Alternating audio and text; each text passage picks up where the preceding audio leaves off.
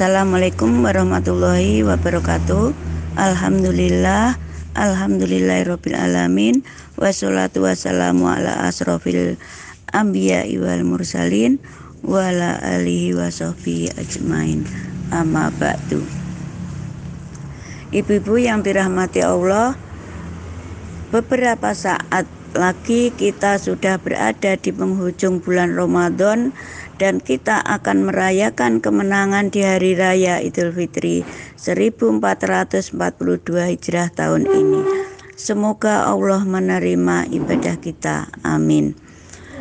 Banyak di kalangan kaum muslim yang bersuka cita akan bertemu hari raya atau bahkan ada yang bersedih karena tamu agung penuh berkah akan segera pulang. Secara tradisi, biasanya umat Islam di Indonesia merayakan hari raya dengan berbagai kemeriahan dan sukacita untuk menyambut hari raya dan keunikan yang tidak ada di negeri lain yaitu mudik. Bahkan demi mudik ini mereka berani mengorbankan apa pun. Tujuan mudik mereka hanya satu yaitu bertemu sanak keluarga di kampung. Sebagian besar mereka menyiapkan dengan berbagai kegiatan di antaranya ada pertemuan keluarga, pertemuan alumni, pertemuan teman sekampung dan lain-lain.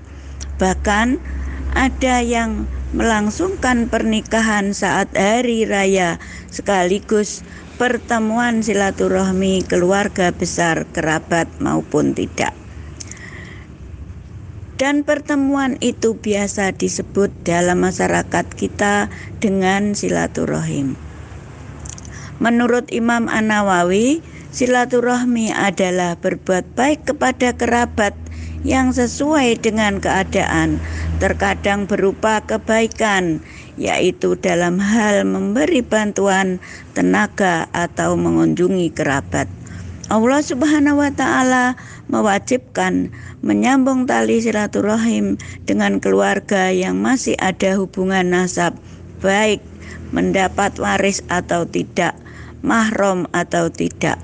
Akan tetapi kondisi pandemi yang sudah kita jalani selama satu tahun lebih ini membuat aktivitas silaturahim menuntut kita untuk tetap waspada dalam menjaga kesehatan dan kondisi keluarga. Maka ada sedikit perubahan dari silaturahim tahun ini di mana keluarga mencukupkan bersilaturahim dengan melalui telepon, WhatsApp, Telegram, atau media sosial lain dengan mengirim ucapan selamat hari raya.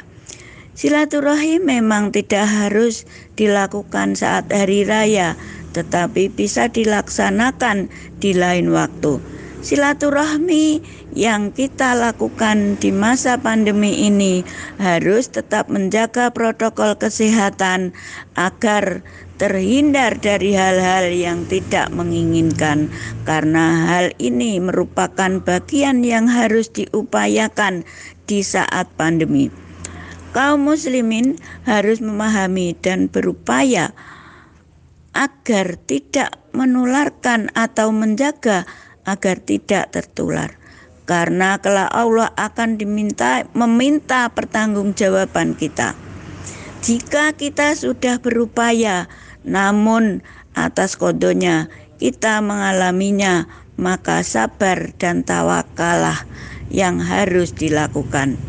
Namun, meski sedikit sekali peluang kita untuk bersilaturahim dengan keluarga jauh, mungkin dengan keluarga yang dekat masih bisa kita lakukan. Dan yang paling penting harus kita sampaikan apa sebenarnya makna silaturahim ini yang jarang disampaikan pada keluarga.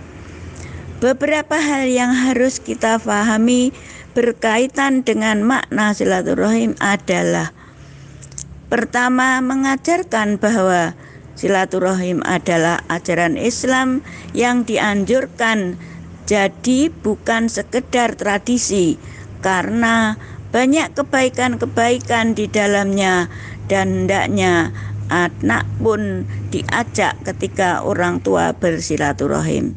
Kedua, larangan keras memutus tali silaturahim mengajarkan pada keluarga bagaimana cara berbakti kepada orang tua, bergaul dengan kerabat, dan saling menghormati, saling membahagiakan, dan saling memaafkan, menjauhkan diri dari sifat tercela, iri, dengki, dendam, dan membicarakan kejelekan orang lain, serta senantiasa memperhatikan akhlak mulia.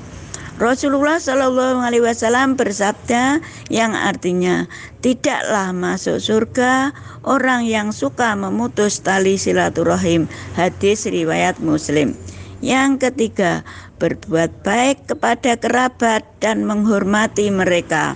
Allah Subhanahu wa taala berfirman dalam surat Al-Isra ayat 26 yang artinya berilah keluarga yang dekat haknya juga orang miskin dan orang dalam perjalanan. Yang keempat, memberi hadiah dan memperhatikan kerukunan bisa dengan memberi zakat atau sedekah dengan syarat mereka bukan orang yang nafkahnya dalam tanggungannya. Jika mereka mampu, bisa diberi hadiah sambil silaturahim. Kelima, sebagai sarana dakwah, kewajiban silaturahim baik kerabat muslim atau non-muslim atau menjaga kerukunan atau silaturahim kepada kerabat yang muslim agar semakin bertakwa dan masuk Islam secara kafah.